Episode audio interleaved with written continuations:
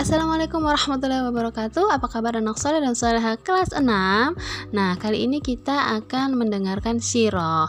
Siroh tentang perang Uhud. Nah siapa yang sudah pernah mendengar perang Uhud? Nah di sini ibu akan uh, membacakan sedikit tentang sejarah perang Uhud Nah, perang Uhud ini berawal dari rasa kekecewaan dan dendam kaum kafir Quraisy kepada kaum muslimin. Kenapa? Karena kekalahan mereka dalam perang Badar pada bulan Ramadan 624 Masehi. Abu Sofyan dalam versi penduduk Mekah yang tidak mengakui kenabian Muhammad Shallallahu Alaihi Wasallam. Kekalahan dalam perang Badar dianggap sebagai sebuah penyergapan yang memukul aktivitas utama kehidupan kota metropolis perdagangan mereka ya. Jadi terkait hal ini Abu Sofyan segera mendesak para penduduk Mekah untuk melancarkan serangan kembali sebagai balasan dan Abu Sofyan ini memimpin langsung pasukan perang orang Quraisy kota Mekah untuk menyerang kaum muslimin dengan membawa pasukan sekitar 3000 orang terlatih termasuk di dalamnya pasukan berbaju zirah. Tak hanya itu, mereka juga memperkuat 200 pasukan kavaleri dan peristiwa ini tidak ada kaitannya dengan sejarah perang Ain Jalut ya yang sudah beda cerita. Nah, sejarah perang Uhud diawal dari keberangkatan pasukan orang Quraisy yang dipimpin Abu Sofyan terjadi setahun setelah perang Badar tepatnya pada 625 Masehi bulan Syawal tahun ketiga Hijriah. Nah, rombongan pasukan ini berjalan dari Mekah hingga tiba di dua mata air lembah Subhah.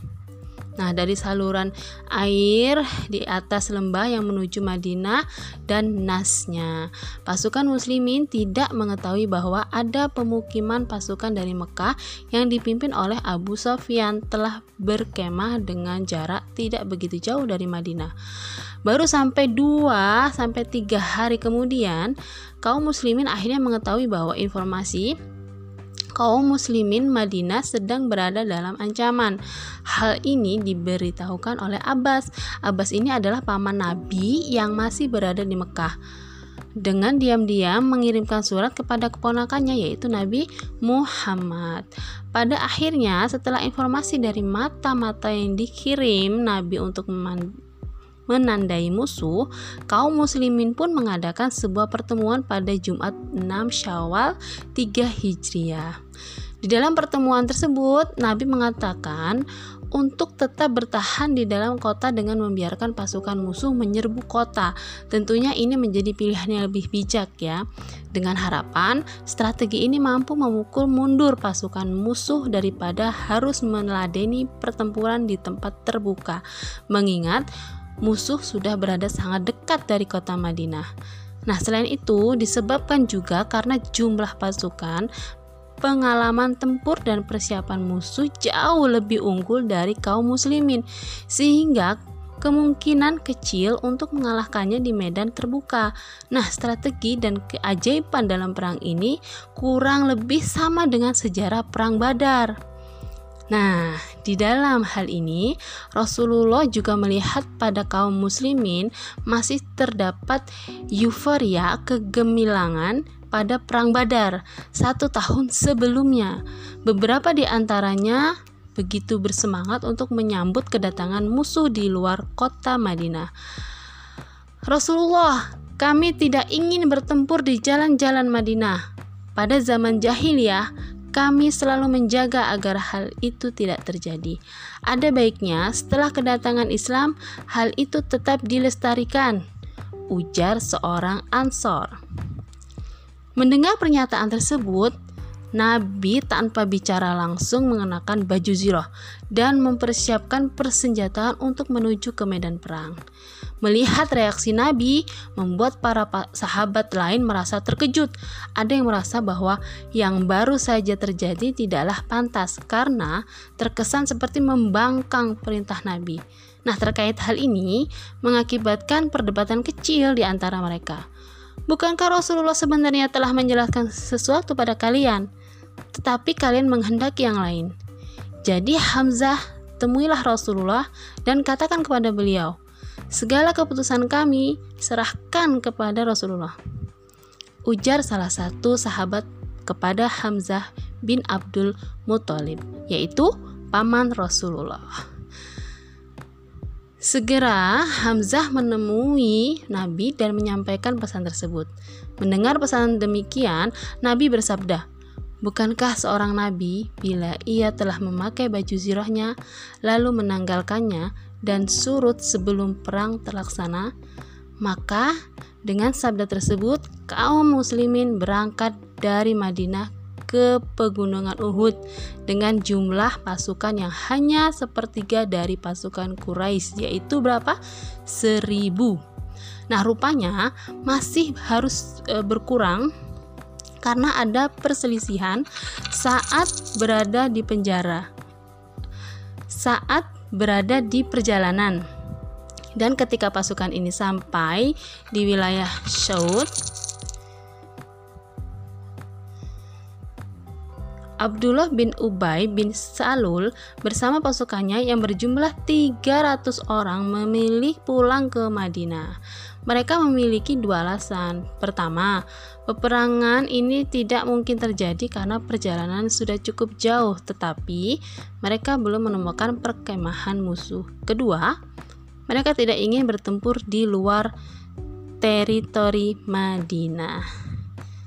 Dengan pulangnya pasukan yang dipimpin oleh Ibnu Salul yang berjumlah 300 orang, maka Rasulullah hanya memiliki 700 pasukan dan harus melawan pasukannya orang Quraisy Madinah, yaitu pemimpinnya Abu Sofyan. Nah, dengan jumlah 3000 orang. Bukan hanya demikian, jumlah pasukan kaum muslimin pun kembali berkurang saat Nabi memulangkan beberapa pasukan di barisannya yang dianggap masih terlalu muda di antaranya yaitu ada Abdullah bin Amru, Zaid bin Zabid, Usamah bin Zaid dan masih banyak lagi. Yang dijumlahkan ada sekitar 14 remaja. Nah, kekalahan kaum muslimin Sesampainya di Bukit Uhud, Nabi Muhammad Wasallam mengatur pasukannya menjadi beberapa formasi. 50 untuk memanah di bawah pimpinan Abdullah bin Jubair di posisi puncak bukit dan lainnya di bawah antara bukit untuk menyerang musuh. Dari riwayat Imam Muslim, peperangan terjadi begitu dahsyat Situasi awal pertempuran didominasi oleh pasukan Rasulullah, terutama karena keberadaan pasukan pemanah di atas bukit yang bisa melihat pergerakan musuh di bawah untuk membangkitkan semangat pasukan di tengah-tengah pertempuran. Nah, Rasulullah mengambil sebilah pedang yang jatuh dan menawarkannya kepada pasukannya. Siapa yang akan mengambil pedang ini dariku? Kemudian pasukan Nabi tersebut mengambilnya. Aku ya Rasulullah, Aku. Rasulullah pun melanjutkan kalimatnya. Siapa yang mengambil pedang ini dan menggunakannya dengan benar? Sontak para pasukan yang tadi berebutan terdiam hingga akhirnya Abu Dujannah maju dan mengatakan bahwa dirinya akan mengambil pedang tersebut. Aku akan mengambil pedang itu dan menggunakannya dengan benar. Namun, situasi menjadi terbalik ketika kaum muslimin di bukit melihat kemenangan seperti sudah di ujung mata. Azab bin Jabir berkata dari puncak bukit, "Mari kita ambil harta rampasannya." Ibnu Jubair atau pemimpin pasukan pemanah itu mencoba mengingatkan, "Apa kalian lupa pesan Nabi?" Tanpa memperdulikan perang tersebut, mereka pun turun dari bukit, sehingga kemenangan di periode pertama di Bukit Uhud pun hilang saat Khalid bin Walid bersama pasukan kavalerinya menyadari kecerobohan pasukan pemanah Nabi dengan mengitari bukit. Khalid bin Walid menyerang pasukan ini dari belakang. Hal yang membuat kemudian lemah Uhud menjadi, eh, menjadi jebakan sempurna bagi kaum muslimin kini menjadi mem, menjadi e, mereka terdesak dari arah depan dan belakang. Dengan begitu, para pasukan Nabi susah membedakan mana lawan dan kawan sehingga mereka juga sa saling serang dan mengakibatkan e, memakan korban yang sangat banyak sehingga e, hingga 70 sampai 75 orang muslim. Sementara korban kaum Quraisy hanya 22 sampai 37 orang. Nah, selain itu perlu diketahui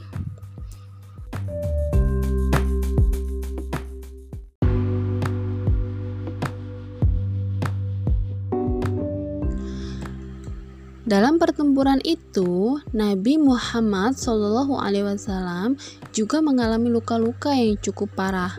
Bahkan, sahabat-sahabatnya yang menjadi perisai pelindung Rasulullah gugur dengan tubuh dipenuhi anak panah. Nah, setelah perang usai dan kaum musyrikin mengundurkan diri kembali ke Mekah, Nabi Muhammad SAW memerintahkan agar para sahabatnya yang gugur dimakamkan di tempat mereka roboh sehingga ada satu liang kubur untuk memakamkan beberapa syuhada. Jenazah para syuhada Uhud ini akhirnya dimakamkan dekat lokasi perang serta disolatkan satu persatu sebelum dikuburkan. Nah, adapun Sayyidina Hamzah bin Abdul Muthalib disolatkan sebanyak 70 kali Beliau pun dimakamkan menjadi satu dengan Abdullah bin Jahsi, yaitu sepupu Nabi, di lokasi terpisah dengan lokasi para syuhada yang lain. Nah, kalau kita lihat kini, jika datang di lokasi tersebut, kompleks pemakaman itu akan terlihat sangat sederhana, hanya dikelilingi pagar setinggi 1,75 meter. Dari luar hanya ada jeruji sehingga jamaah bisa melengok sedikit ke dalam. Bahkan di dalam areal pemakaman yang dikelilingi pagar itu tidak ada tanda-tanda khusus seperti batu nisan yang menandakan ada makam di sana.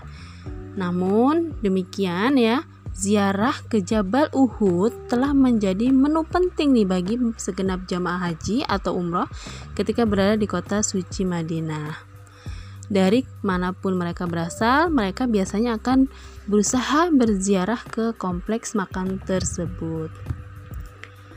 Nah, seperti yang dikisahkan, lantaran kecintaan Rasulullah kepada para syuhada Uhud, beliau senantiasa berziarah ke Jabal Uhud hampir setiap tahun Nah, langkah beliau ini kemudian juga diikuti oleh beberapa sahabat sesudah Rasul wafat. Bahkan dikisahkan bahwa Umar dan Abu Bakar juga selalu mengingatkan Rasul jika perjalanannya telah mendekati Uhud. Bukit Uhud tersebut bila dilihat dari kejauhan berwarna agak kemerahan dan terpisah dari bukit-bukit lainnya. Jabal ini merupakan bukit terbesar di Madinah yang terletak sekitar 5 km dari pusat kota Madinah. Ketinggian e, bukit sekitar 1050 meter. Nah, bentuk Jabal Uhud seperti sekelompok gunung yang tidak bersambungan dengan gunung-gunung yang lain. Sementara umumnya bukit di Madinah berbentuk sambung menyambung. Karena itulah penduduk Madinah menyebutnya Jabal Uhud yang artinya bukit menyendiri.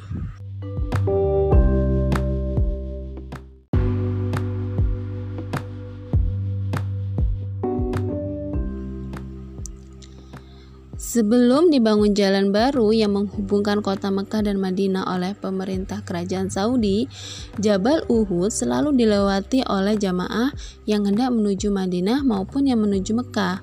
Letaknya memang di pinggir jalan raya menuju kedua kota tersebut. Namun, sejak tahun 1984, perjalanan jamaah haji dari Mekah ke Madinah atau dari Madinah ke Jeddah tidak lagi melalui jalan lama tersebut, melainkan melalui jalan baru yang tidak melewati pinggir jabal. Nah, demikian uh, sirah tentang perang Uhud. Bagaimana? Kalian sudah memahaminya? Kalian bisa simak, mendengarkan dengan baik. Lalu kalian e, bisa tulis beberapa hikmah yang bisa diambil dari perang Uhud ini. Nanti akan ditanyakan saat Zoom meeting. Oke, terima kasih untuk anak-anak hebat. Hari ini tetap semangat. Ibu akhiri, wassalamualaikum warahmatullahi wabarakatuh.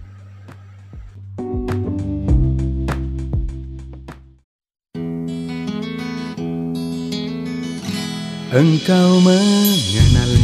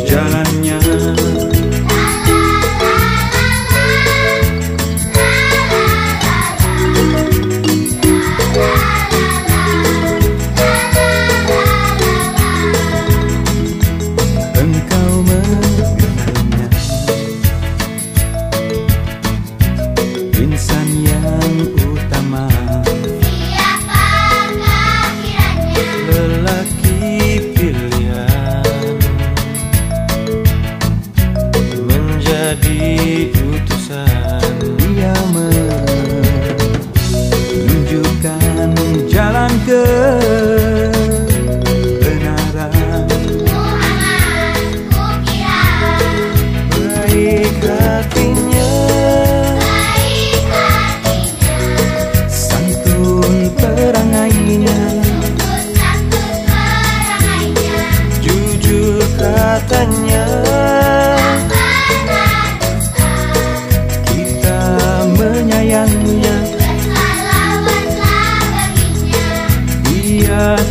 gelada